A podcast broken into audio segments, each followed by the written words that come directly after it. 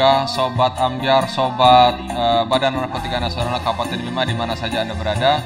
Uh, di sini sedang saya dengan Dias Timur Purnawan, STRK, staf di Seksi Pencegahan dan Pemberdayaan Masyarakat uh, Badan Narkotika Nasional Kabupaten Bima.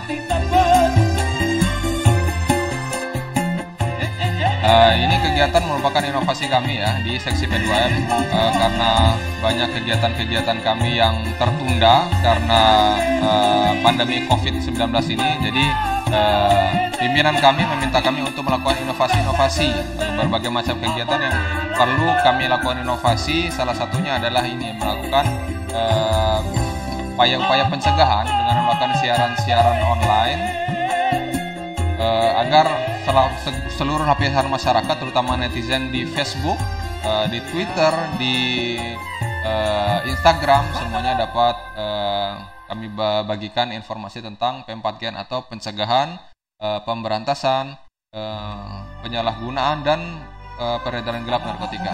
Luar biasa. Terima kasih sekarang semen lagu-lagu saya. Ya, kami bisa bersiaran di pelataran Jalan Garuda nomor 2, Lebirato, Punda, Kota Bima. Untuk gelaran ini tanggal 19 Mei tahun 2020.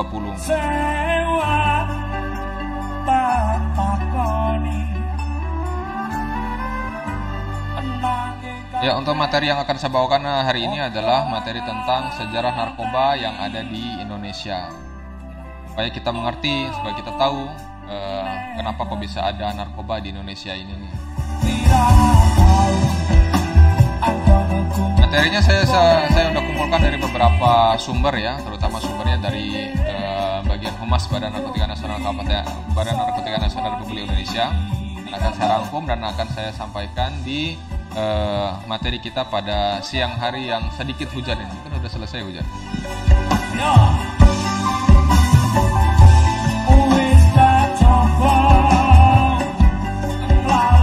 Tapi sebelum kita masuk ke materi inti, kita dengarkan dulu lagu dari almarhum Deddy Kempot, ya.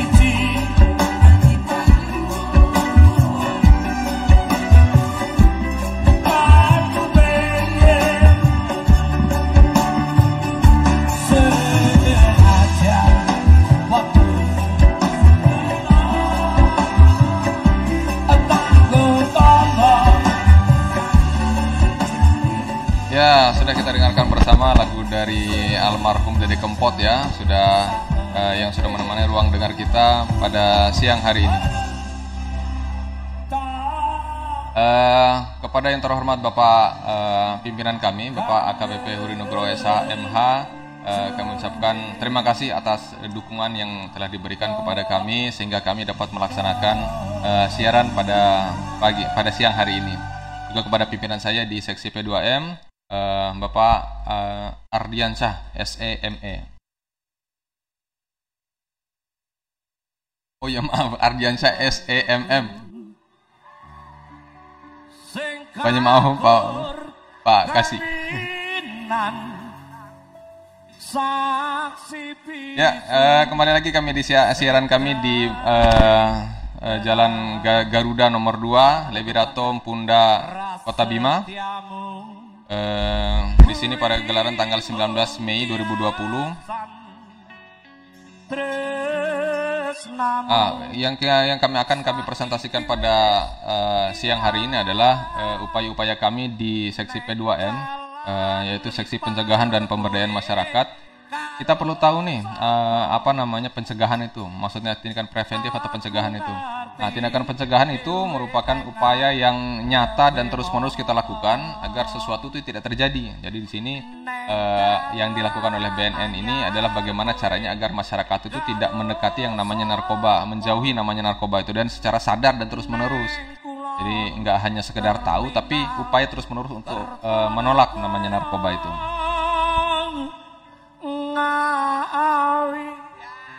Itu nyanyi ki. Nah, sebelum tahu soal lebih eh, sebelum kita bisa mencegahnya kan kita harus tahu dulu nih bagaimana caranya eh, kenapa kok bisa narkoba itu ada di eh, Indonesia. Kalau di dunia mungkin kepada teman saya kemarin udah udah disampaikan ya oleh sama teman saya kemarin. Sekarang bagi sebagian saya di Indonesia tuh kenapa kok bisa ada eh, narkoba di Indonesia? Dari berbagai sumber yang sudah saya cari, eh, terutama di Humas Badan Narkotika Nasional Republik Indonesia, narkoba itu kita mesti tahu dulu nih, narkoba itu adalah eh, singkatan dari narkotika, psikotropika, dan bahan adiktif lainnya. Itu sudah terkenal sekali secara umum ya di masyarakat, eh, terutama di kepolisian, kejaksaan, BNN, eh, sudah umum dikenal. Kalau di instansi kesehatan atau lembaga penelitian atau litbang itu tuh banyak dikenal sebagai nabza. Maksudnya juga maksudnya sama. Eh, nabza itu adalah narkotika, psikotropika dan zat adiktif lainnya.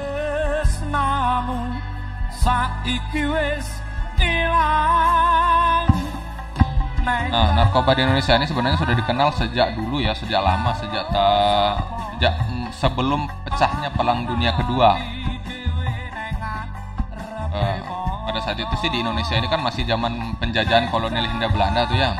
Eh, nah pada saat zaman kolonial Hindia Belanda itu eh, karena dilihat oleh mereka pemerintah pada saat itu eh, banyak keuntungannya buat mereka. Banyak banyak yang banyak menggunakan jadinya. Mungkin karena korban-korban perang eh, banyak tentara-tentara mereka yang perang dan butuh eh, penanganan secara medis. Jadi mereka cari yang yang simpel atau yang gampang. Jadi mereka menggunakan candu atau opium. Makanya dilegalkanlah oleh pemerintah kolonial Hindia Belanda atau disahkan sebagai obat legal dan bebas digunakan. Cuman bebasnya ini bebas terbatas. Bebas terbatas, bebas terbatas maksudnya eh, dapat digunakan eh, di tempat dan waktu-waktu tertentu. Jadi nggak semuanya dilebarkan, dibebaskan di semua tempat ya. Jadinya ada tempat-tempat tertentu. Nah, orang-orang Cina di Indonesia pun nggak ternyata begitu. Mereka menggunakan secara tradisional. Mereka menggunakannya dengan menggunakan pipa besar, pipa panjang besar itu. Mereka hisap seperti rokok. Mereka bat di salah satu lubang di bawah pipa itu ada mereka taruh lubang untuk menyimpan namanya opium itu dan nanti dibakar uh, agar mereka hisap uh, hisap asapnya itu. Cara-cara tradisional ini karena mereka mungkin tidak mampu uh, me mengimbangi uh, pemerintah kolonial Belanda yang mem memiliki aturan-aturan yang ketat ya tentang penggunaan opium dan candu itu.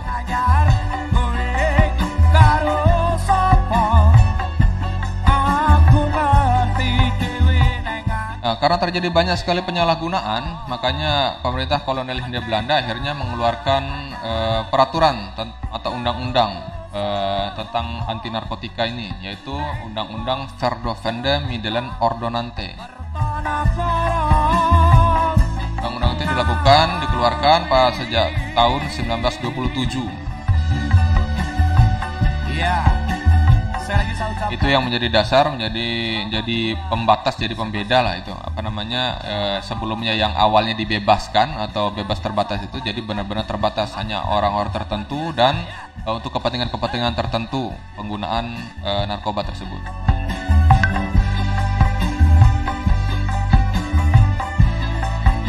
Ah, setelah masuk penjajahan pas selesai penjajahan Hindia Belanda, penenun kolonial Hindia Belanda, jadi masuklah ke penjajahan Jepang. Pada saat itu, lalu pada saat pemerintahan Jepang itu, eh, undang-undang Verdovende Middle Ordonance tadi itu dibatalkan oleh eh, pemerintah Jepang dan penggunaan obat-obat lain juga tuh tidak boleh di, tidak diperbolehkan oleh pemerintah Jepang karena memang dipandang oleh mereka e, banyak yang menyalahgunakannya walaupun sudah dibikin aturannya tapi banyak tetap banyak juga yang e, menyalahgunakannya. Akhirnya setelah sekian e, tiga tahun setengah lah kurang lebih ya pemerdukan Jepang itu akhirnya kemerdekaan bisa kita raih. Dan uh, setelah kita merdeka, pemerintah melalui Kementerian Kesehatan, Kesehatan pada saat itu uh, diminta untuk mengatur obat-obatan berbahaya tadi agar tidak menjadi penyalahgunaan di uh, warga negara Republik Indonesia. Ramai setelah berdiskusi panjang uh, dan uh, lama, akhirnya dikeluarkanlah Undang-Undang Nomor 9 Tahun 1976 tentang narkotika. Itu yang menjadi undang-undang pertama tentang narkotika yang berlaku di negara kesatuan Republik Indonesia ini.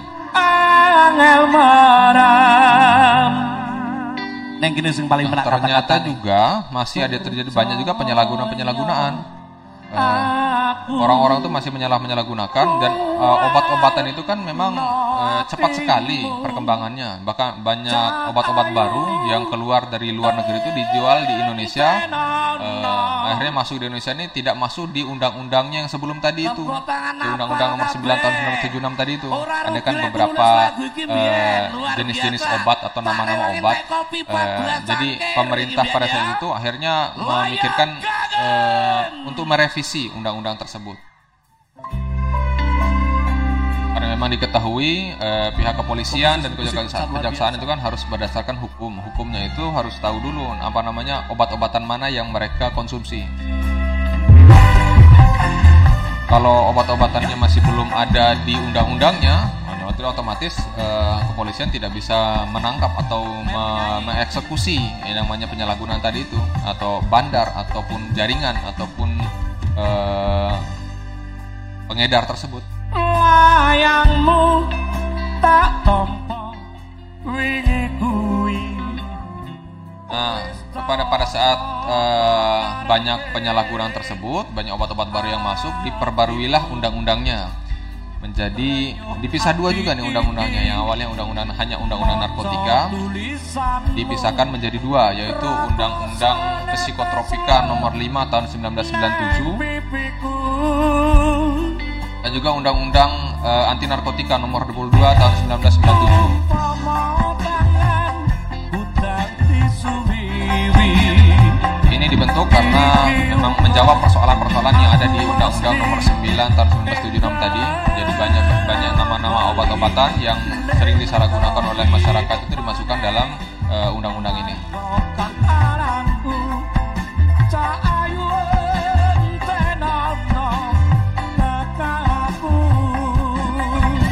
Dan ternyata juga masih banyak juga penyalahgunaan oleh masyarakat itu. Banyak sekali namanya obat-obat baru itu bermunculan di tengah-tengah masyarakat. Jadi pemerintah juga bersama masyarakat, bersama DPR, eh, bersama legislator kembali melakukan revisi uh, tentang undang-undang narkotika ini. Yang terakhir yang direvisi adalah Undang-Undang Nomor 35 Tahun 2009 tentang narkotika.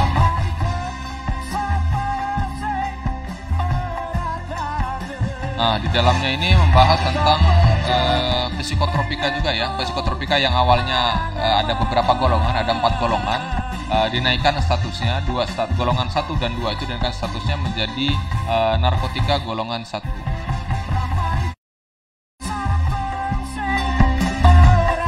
Juga yang menjadi pembeda ini, yang menjadi pembeda di Undang-Undang Nomor 35 Tahun 2009 ini adalah tentang eh, pecandu narkotika. Pecandu narkotika itu yang sebelumnya dianggap sebagai musuh negara. Nah, di Undang-Undang Nomor 35 Tahun 2009 ini mereka itu bukan sebagai musuh negara, tapi sebagai korban dari penyalahgunaan itu bahkan mereka korban. Jadi mereka tidak dituntut untuk pidana, tapi dituntut untuk eh, program rehabilitasi.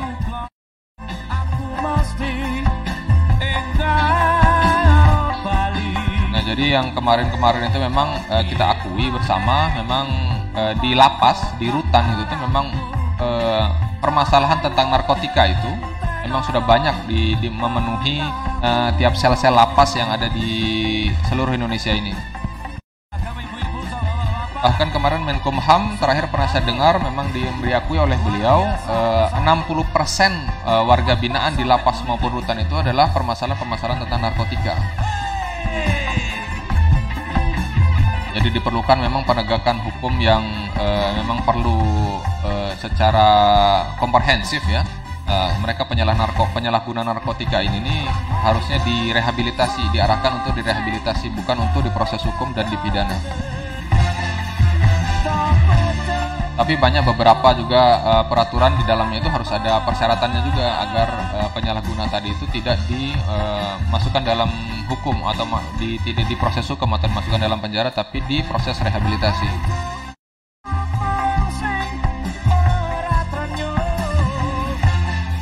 Nah ini menjadi pembeda eh, peraturan undang-undang seba- undang-undang sebelumnya dengan undang-undang yang terbaru ini tahun undang-undang nomor 35 tahun 2009 tentang narkotika.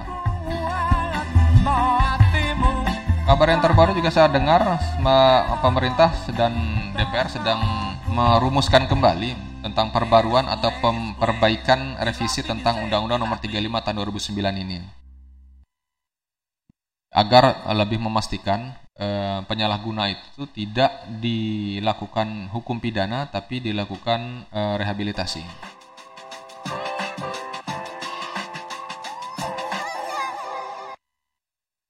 Nah, dalam eh, Undang-Undang Nomor 35 Tahun 2009 tentang narkotika ini juga memberikan kewenangan kepada Badan Narkotika Nasional eh, Republik Indonesia untuk menegakkan hukum ya di eh, wilayah kerja Republik Indonesia. Sebelumnya eh, Badan Narkotika Nasional ini memiliki dasar hukum yaitu Kepres Nomor 17 Tahun 2002. Itu dikeluarkan sejak zamannya Ibu Megawati Soekarno Putri. Kemudian direvisi kembali oleh Bapak Susilo Bambang Yudhoyono melalui Perpres nomor 83 tahun 2007 tentang BNN, BNP, eh, dan BNK. Yang menjadi beda dengan BNN yang terbaru yaitu Perpres nomor 23 te- tahun 2010 tentang BNN.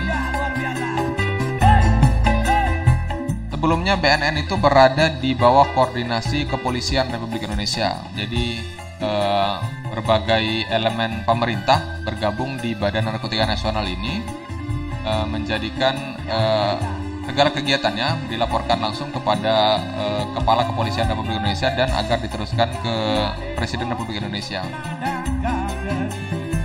Nah, sedangkan di Perpres nomor 23 tahun 2010 yang juga ditandatangani oleh Bapak Susilo Bambang Yudhoyono eh, menja- yang menjadi pembedanya adalah eh, BNN ini langsung berada di bawah presiden lembaga negara non kementerian yang yang bertanggung jawab kepada presiden, tapi tetap bersinergi dan bekerja sama den- dengan kepolisian.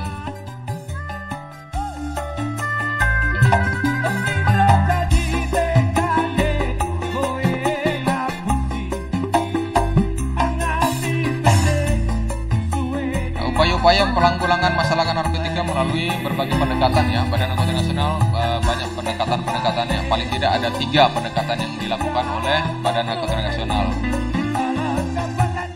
Yang pertama adalah supply reduction. Yang kedua harm reduction.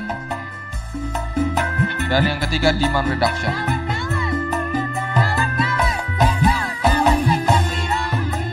Supply reduction maksudnya adalah mengurangi jumlah pemasukan narkoba uh, yang beredar di Indonesia ini. Nah, kegiatan ini dilakukan oleh eh, rekan-rekan uh, kami di seksi pemberantasan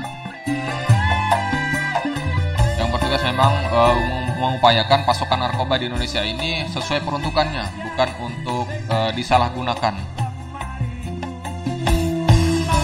Jadi penggunaan narkotika itu hanya khusus untuk uh, untuk kesehatan dan juga untuk penelitian.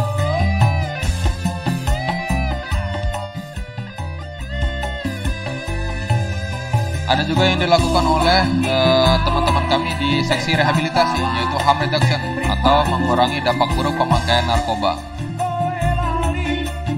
Nah, di sini seksi rehabilitasi ini melakukan upaya-upaya agar orang-orang yang men menyalahgunakan narkotika tadi agar dapat sembuh dan dapat bukan sembuh ya, dapat pulih dan kembali diterima oleh masyarakat.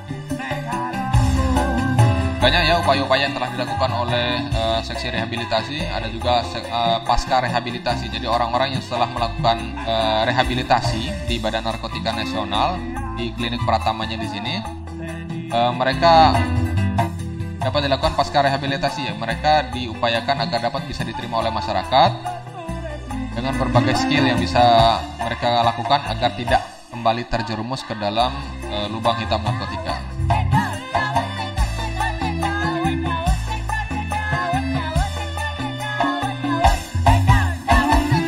Dan yang terakhir demand reduction atau mengurangi permintaan narkoba sebagai intervensi pengguna. Nah, ini yang dilakukan oleh kami di seksi P2M atau pencegahan dan pemberdayaan masyarakat. Masyarakat dihimbau secara luas, ya, secara luas dan seluas-luasnya agar masyarakat dapat tahu apa namanya narkoba ini masalahnya di mana, kenapa kok bisa ada narkotika, bagaimana cara mencegahnya, Nah, jadi uh, ini merupakan upaya bersama sebenarnya ya. ya jadi nggak hanya BNN saja yang punya tanggung jawab di sini. Jadi masyarakat juga uh, diminta untuk uh, proaktif juga untuk uh, mencegah yang namanya narkotika ini.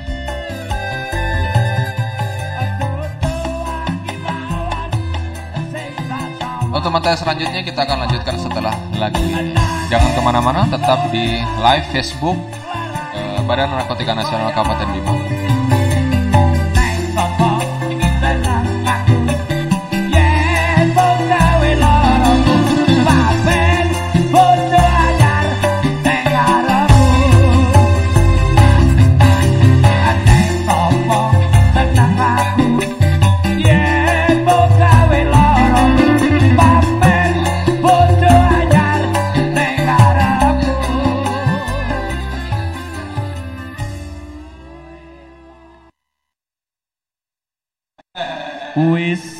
must in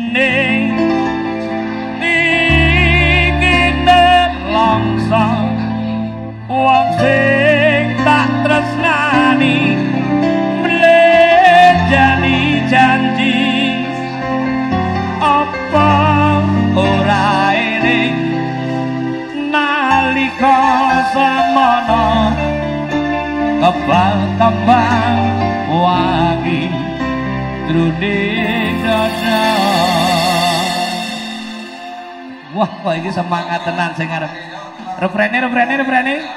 Ke apa salah?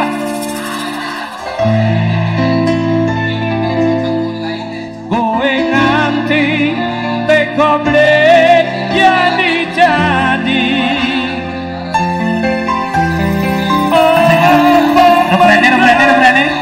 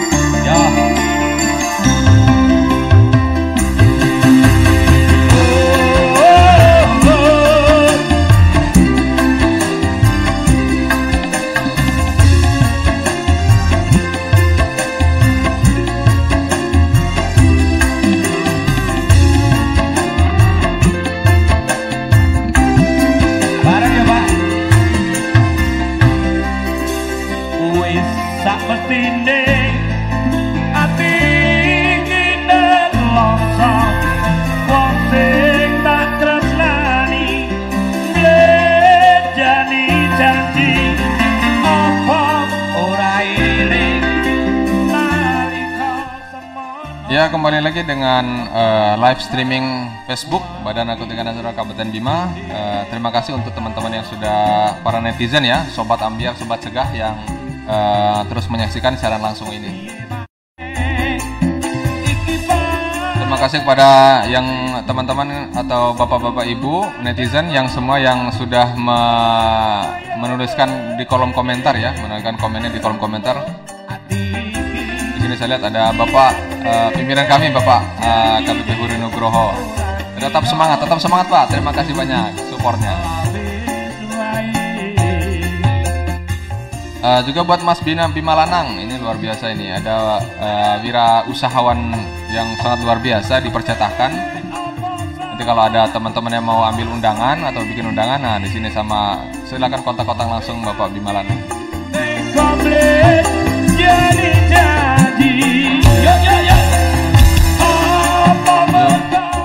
Juga Bang Syarifuddin Aziz Hidup Badan Narkotika Nasional Kabupaten Bima Luar biasa. Terima kasih Pak Syarifuddin Aziz.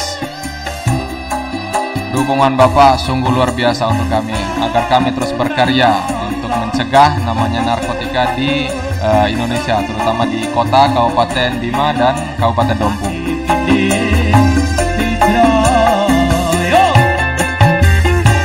Ya buat teman-teman sekalian, sobat juga sobat ambiar yang di mana pun ada berada, nanti kalau memang misal pun ada yang mau ditanyakan atau mau kita diskusikan di sini, boleh kita langsung uh, tulis di kolom komentar. Nanti kalau emang uh, nanti akan didiskusikan oleh pimpinan kami, nanti akan mendapatkan uh, hadiah, ada beberapa hadiah gratis mungkin nanti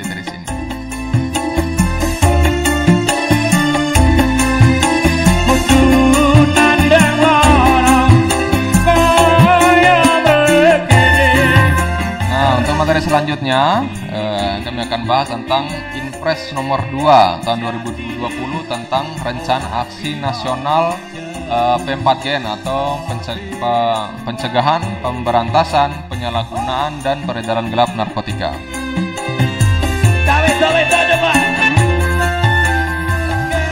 Nah, di seksi P pencegahan eh, kami mendapatkan tugas yang luar biasa uh, menantang bagi kami di seksi P2M. Ada empat poin penting yang harus kami lakukan di sini. Antara lain, uh, pertama peningkatan kampanye publik tentang bahaya penyalahgunaan narkotika dan prekursor narkotika.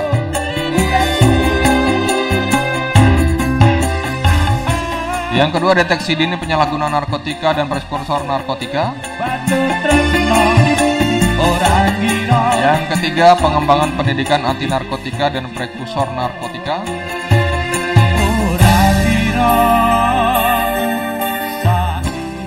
Dan yang terakhir, kawasan rawan dan rentan narkoba.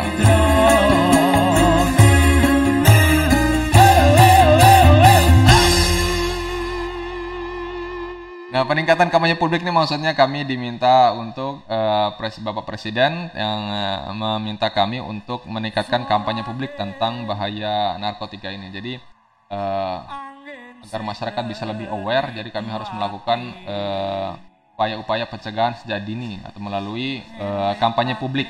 Nah, ini salah satu bentuk kampanye publik kami yang dilakukan yang dilakukan oleh Badan Narkotika Nasional Kabupaten Bima yang memang didukung penuh oleh uh, Bapak pimpinan kami uh, di sini Bapak KBP Huru Nugroho kami mendekatkan kampanye publik ini agar masyarakat bisa aware dan bisa paham tentang uh, narkotika ini.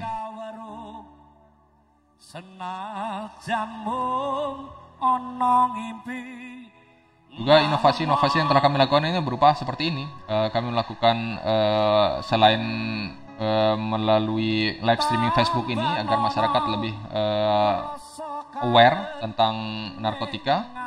Kami juga membagikan beberapa banyak sekali bentuk-bentuk uh, gambar ya uh, tentang pencegahan narkotika itu ada di uh, Instagram kami di BNNK Bima. Nanti teman-teman kalau emang ada punya Instagram nanti bisa cari dia di sana ya. Nanti cari aja BNNK Bima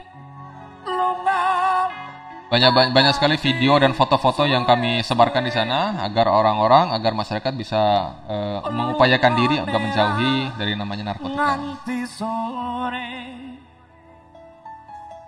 janjine Ada juga deteksi dini penyalahgunaan narkotika dan prekursor narkotika.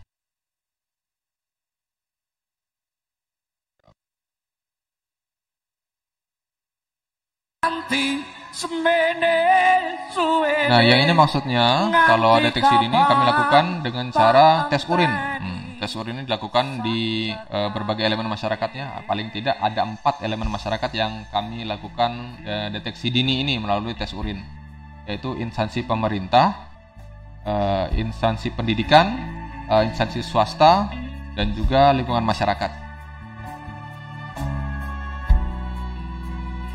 Jadi jika be- beberapa instansi tadi empat instansi tadi ingin melakukan deteksi dini agar eh, mengetahui eh, karyawannya atau eh, orang-orang di masyarakatnya menyalahgunakan narkotika atau tidak, kan harus harus dibuktikan tuh. Gimana cara membuktikannya? Yaitu ntar mengundang kami Badan Narkotika Nasional Kabupaten Bima dengan bersurat secara resmi langsung ke BNN sini agar kami dapat mempersiapkan segala halnya tentang eh, upaya eh, ini apa namanya tes urin di lingkungan masyarakat eh, industri pendidikan pemerintah maupun di eh, lingkungan swasta.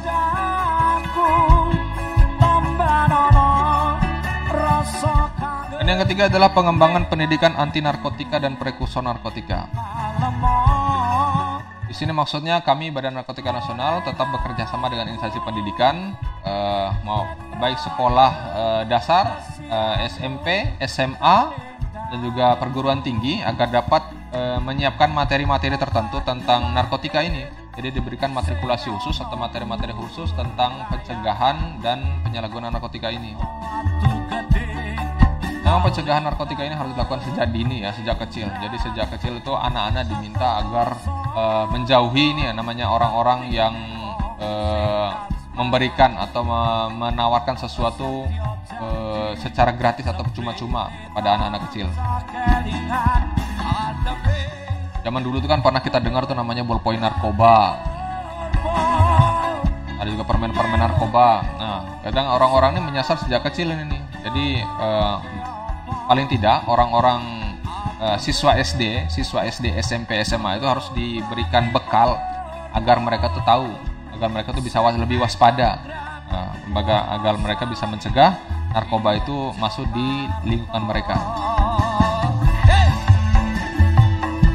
Begitupun dengan perguruan tinggi. Mereka kan semakin tinggi ilmu pendidikannya semakin paham tuh bagaimana cara mencegah narkotika. Nah, jika sejak awal sudah diupayakan pencegahan atau mereka mengetahui apa yang harus di apa yang harus dilakukan ketika mengetahui bahwa itu narkota narko, narkoba, mereka bisa mencegahnya. Dan impres yang terakhir, eh, tugas kami di bidang pencegahan adalah kawasan rawan dan rentan narkotika. Ini di sini kami diminta untuk eh, memetakan kawasan-kawasan mana saja yang rawan narkotika, narkoba dan rentan narkotika agar dapat dicegah dengan upaya eh, kegiatan-kegiatan eh, seperti desa bersinar eh, dan juga kegiatan-kegiatan lain yang positif yang dapat dilakukan di desa tersebut atau kawasan-kawasan tersebut. banyak kegiatan-kegiatan yang bisa dilakukan ya di desa bersinar. Contohnya seperti pembentukan relawan anti narkoba. Ada juga agen pemulihan ada juga ceramah-ceramah agama tentang narkoba ada juga upaya-upaya pameran atau kegiatan-kegiatan lain yang dapat mencegah namanya narkoba itu masuk di lingkungan masyarakatnya. Nah, di sini peran serta masyarakat sangat sangat dibutuhkan eh, agar pencegahan narkoba narkoba itu berada di taraf terendahnya. Semua masyarakat bisa paham dari yang besar sampai yang kecil, dari yang tua sampai yang muda. Agar semuanya bisa mencegah namanya narkobi, narkotika itu.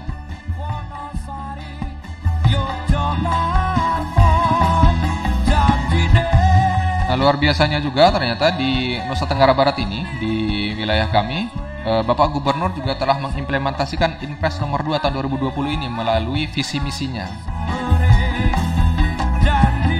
Salah satu visi misinya Bapak eh, Dr. Zul Zulkifli Mansyah yaitu NTB sehat dan cerdas. Nah, gimana orang-orang yang Nusa Tenggara Barat bisa uh, sehat dan cerdas kalau uh, masih dirasuki oleh narkoba? Jadi Bapak uh, Gubernur dan Bu Wagub uh, melalui SK Gubernur NTB telah menetapkan 10 desa atau kelurahan bersinar tingkat provinsi. Yang sudah dilakukan sejak tahun 2019 kemarin dan akan terus berjalan sampai dengan akhir masa jabatan beliau. Nah untuk diketahui bersama, eh, tahun 2019 kemarin adalah Desa Panda yang dipilih eh, ditentukan oleh eh, Bapak Gubernur untuk di Kabupaten Bima adalah Desa Panda agar menjadi desa bersinar. Untuk di Kota Bima ada di Kelurahan Dara. Sedangkan di Kabupaten Dompu Dompu ada di Kelurahan Matua.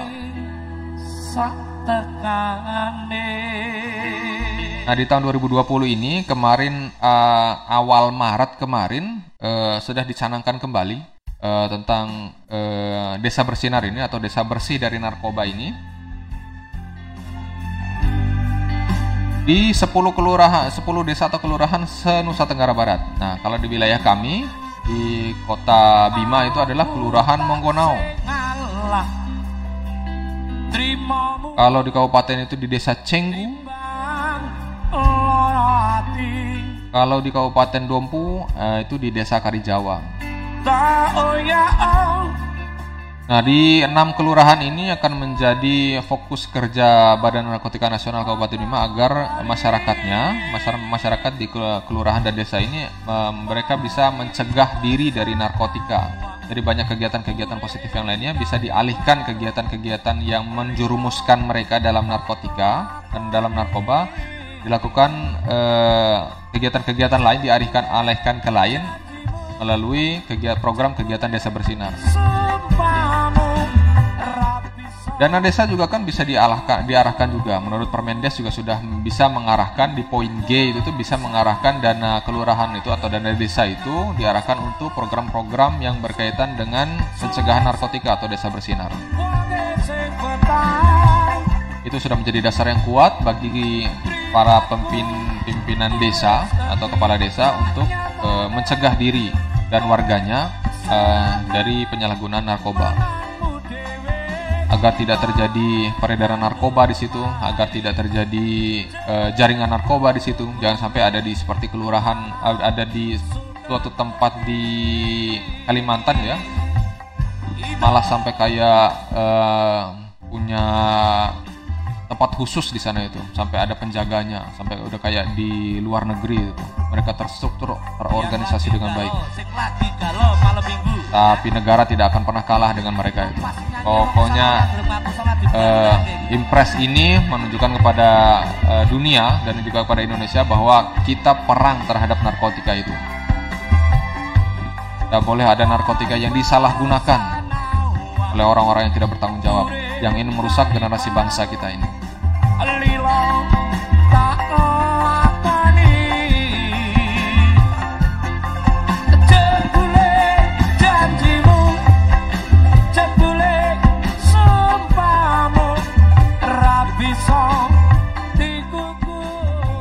Ya untuk materi selanjutnya kita akan selah dulu ya dengan lagu ini.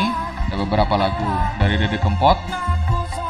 Jangan ke mana-mana, tetap di live streaming Facebook eh, Badan Narkotika Nasional Kabupaten Bima. Tetap dukung kami untuk terus eh, melakukan upaya-upaya pencegahan di bidang eh, narkotika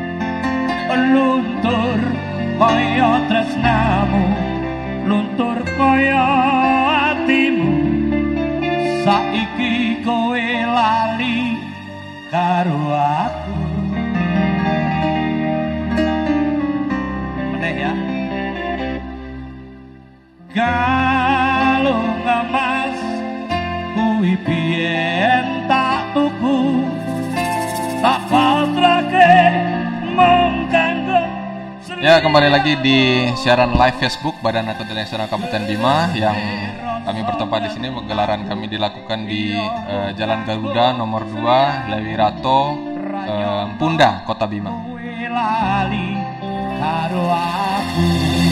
Ya siaran ini kami lakukan eh, dengan upaya untuk me- melakukan aware agar masyarakat merasa aware sama yang namanya narkotika ini.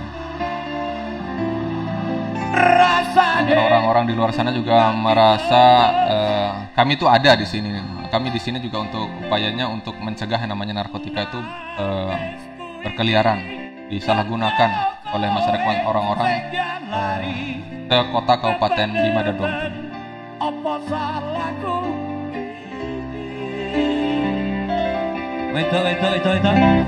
Eh, terima kasih juga kami sampaikan kepada Bapak Syarifuddin Aziz. Katanya Bapak kapan kapan kapan Ibu-ibu Iswara, istri wakil rakyat DPRD Kabupaten Bima ingin silaturahim. Oh boleh Pak, kalau emang mau ke sini boleh, silahkan kami terima dengan eh, dengan senang hati dan juga dengan lapang dada. Dalam rangka kolaborasi program atau kegiatan khususnya terkait penyuluhan narkoba dan lainnya di kecamatan dan sekolah. Hmm, ini kegiatan yang cukup kami kami dukung, Pak ya. Kalau emang eh, berkolaborasi silahkan. Kami di sini sangat mendukung, dengan, apalagi dengan upaya-upaya eh, pencegahan narkotika agar masyarakat eh, kecamatan, terutama di sekolah juga ini nih, eh, kami akan terus melakukan penyuluhan-penyuluhan eh, tentang narkotika ini agar mereka langsung aware mereka bisa dengan dengan upayanya mereka sendiri bisa mencegah yang namanya narkotika ini. Kami tunggu waktunya Bapak Pak Syarifuddin Aziz dan juga mungkin Ibu-ibu Iswara. Eh, agar mungkin bisa bertemu di sini. Tapi memang kondisinya sedang wabah corona ini ya. Jadi agak susah untuk kita mau berkumpul dengan orang yang banyak. Kanggo sliramu tapi nanti bisa mungkin diatasi dengan eh, berkonsultasi langsung dengan kami di sini. Eh, nanti kita akan sesuaikan bagaimana cara yang terbaik agar upaya-upaya P- P4GN ini dapat dilakukan di tengah-tengah masyarakat, terutama wilayah kota kabupaten Bima dan Bumi.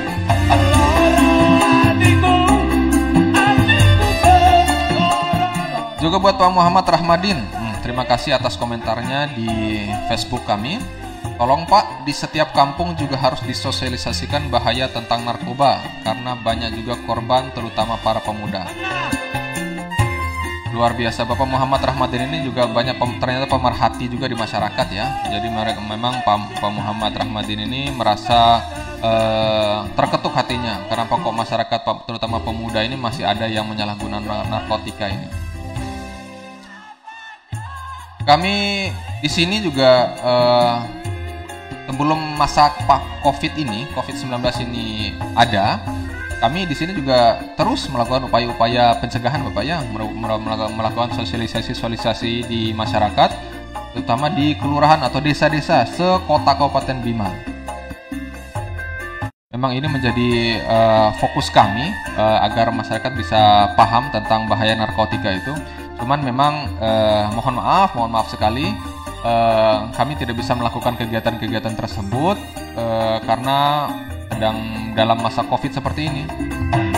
Nanti ketika pemerintah sudah mengatakan eh, menyampaikan bahwa pandemi ini telah selesai, telah berakhir, kami akan segera me- me- mela- me- mela- me- turun mensosialisasi- mensosialisasikan eh, P4GN ini di tengah-tengah masyarakat nanti.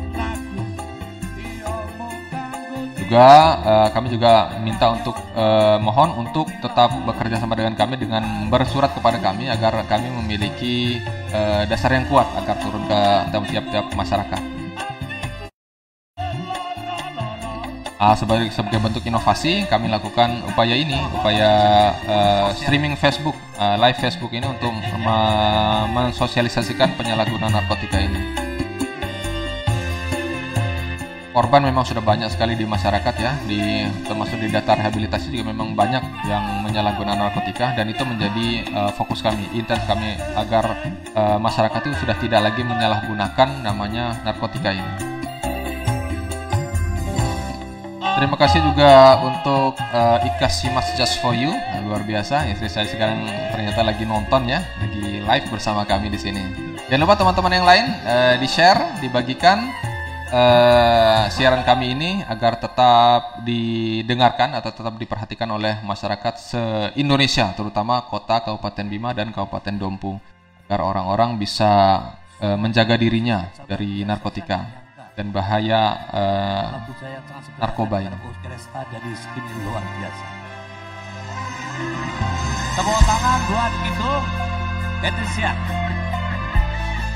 Ya kita lanjut lagi ke materinya ya. Materi selanjutnya adalah kita mesti tahu nih sejak dari dari tadi kita di depan membahas tentang sejarah narkotika, Badan Narkotika Nasional itu apa, uh, apa aja yang sudah dilakukan oleh pemerintah untuk mencegah namanya narkoba ini berkembang di di Indonesia. Sekarang kita perlu tahu namanya narkotika itu apa, apa barangnya ini agar kita tahu ini kalau memang mau melawan musuh kita tuh kan harus tahu dulu nih apa musuhnya itu agar kita bisa menang melawan musuh.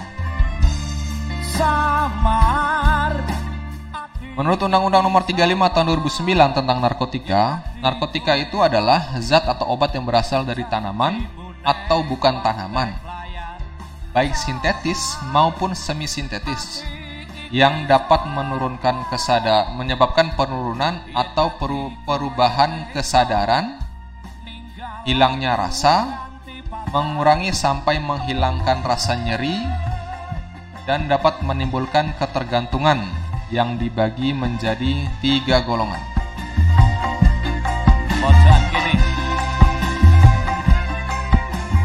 Nah, golongan juga ini dibagi menjadi tiga ya, eh, sesuai yang Sabah katakan tadi. Golongan satu itu hanya dapat digunakan untuk pengembangan ilmu pengetahuan, namun tidak bisa digunakan dalam terapi kesehatan. Ini kata kuncinya yang perlu diperhatikan. Contohnya, opium, amfetamin, metamfetamin, ganja, heroin, juga hati itu yang umum didengar yang di yang sering kita dengar di masyarakat. Nah, golongan-golongan satu ini sering sekali disalahgunakan oleh masyarakat ya. Jadi ini perlu diketahui oleh uh, netizen sekalian agar bisa dicegah dan dijauhi.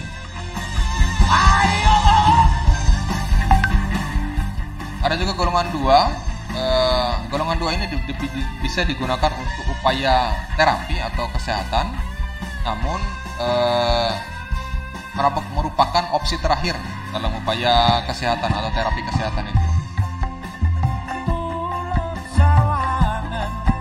Contohnya antara lain metadon, dextromoramid, petidin, morfin, nah ini sering dikenal, ini sering didengar, dan dihidrotorfin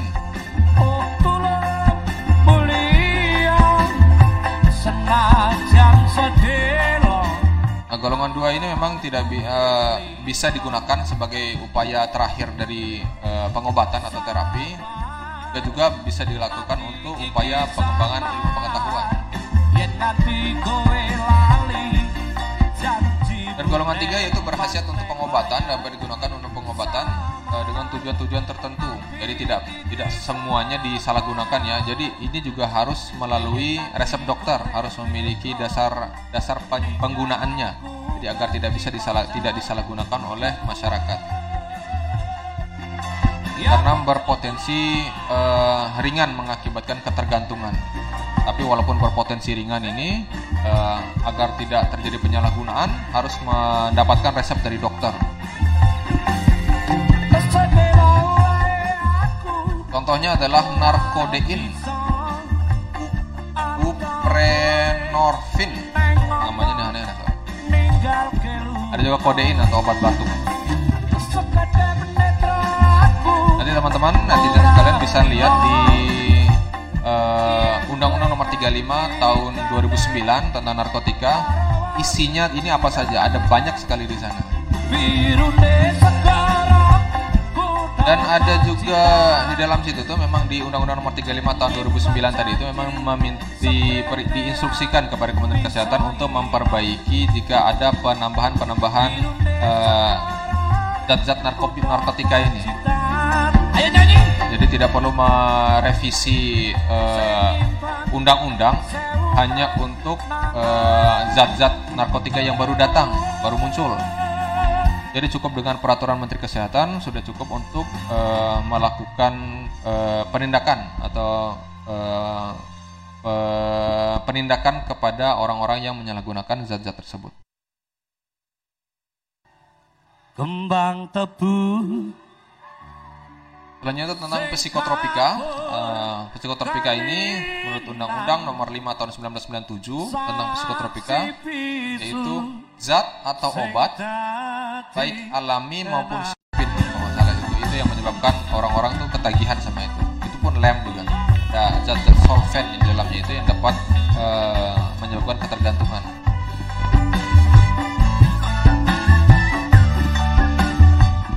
untuk alkohol dan rokok memang dibatasi betul-betul oleh pemerintah yang sudah ada regulasinya tentang narkotik dan tentang tentang alkohol dan rokok ini.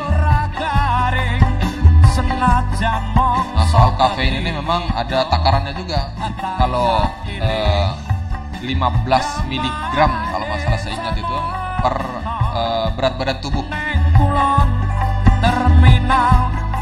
Jadi kopi itu dapat ditoleransi oleh tubuh itu paling nggak satu dalam satu gelas atau satu cangkir itu 15 gram per, per berat badan.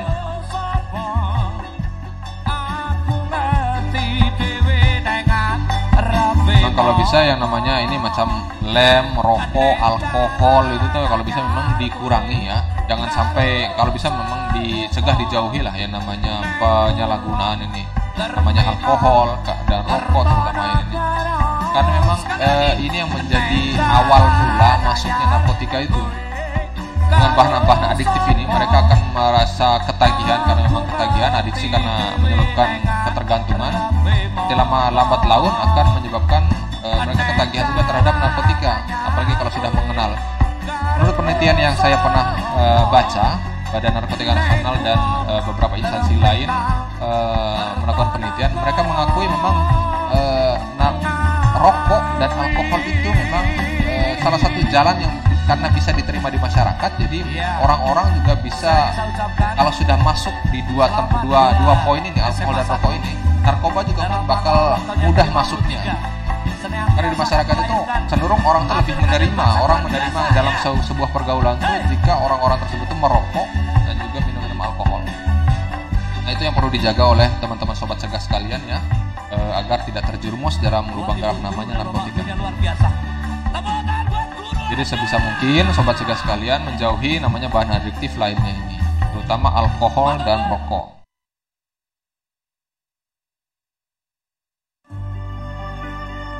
Nah, ada satu poin penting lagi yang perlu diketahui oleh sobat cerdas sekalian. Ada obat-obat tertentu yang sering sekali disalahgunakan. Dan sudah dibuat peraturan oleh uh, Badan POM melalui peraturan Badan POM nomor 10 tahun 2019 uh, obat tentang obat-obat tertentu yang sering disalahgunakan. Itu obat yang bekerja di sistem susunan saraf pusat selain narkotika dan psikotropika yang pada penggunaannya atas dasar di atas dosis terapi yang dapat menyebabkan ketergantungan dan perubahan pada aktivitas mental dan perilakunya. Nah, penyalahgunaan obat tanpa izin edar akan ditindaklanjuti sesuai Undang-Undang Nomor 36 Tahun 2009 tentang kesehatan. Nah, untuk sobat cegah ketahui ya, obat-obat yang sering disalahgunakan di masyarakat di tengah-tengah masyarakat adalah uh, antara lain tramadol. trihexyphenidil, chlorpromazine, amitriptyline, haloperidol. Terakhirnya sering, sering dikenal sama masyarakat dextromethorphan. Tapi untuk diketahui, obat-obat lima obat di atas itu tidak bisa dijual bebas. Jadi jika ditemukan akan ditindaklanjuti akan ditindaklanjuti sesuai uh, karena menyalahgunakan obat tanpa izin edar. Tramadol ini uh, lima obat tadi memiliki izin izin, izin edan edar yang legal dan pe, pe, edarnya itu di tempat-tempat tertentu juga di tempat-tempat tertentu macam apotik, rumah sakit, puskesmas itu bisa di uh, karena uh, karena tujuannya mereka untuk melakukan upaya terapi di situ bukan untuk disalahgunakan. Nah kalau di luar bisa menemukan tramadol secara murah, nah, lima obat ini haloperidol amitriptyline juga ditemukan secara murah, itu dipastikan itu adalah obat orang apa namanya obat yang tanpa izin edar. Jadi jika ditemukan oleh uh, kepolisian maupun Badan Narkotika Nasional akan segera ditindaklanjuti. Makanya orang-orang di luar sana tidak boleh menyalahgunakan namanya obat-obatan tersebut tanpa ada resep resep yang jelas dari dokter.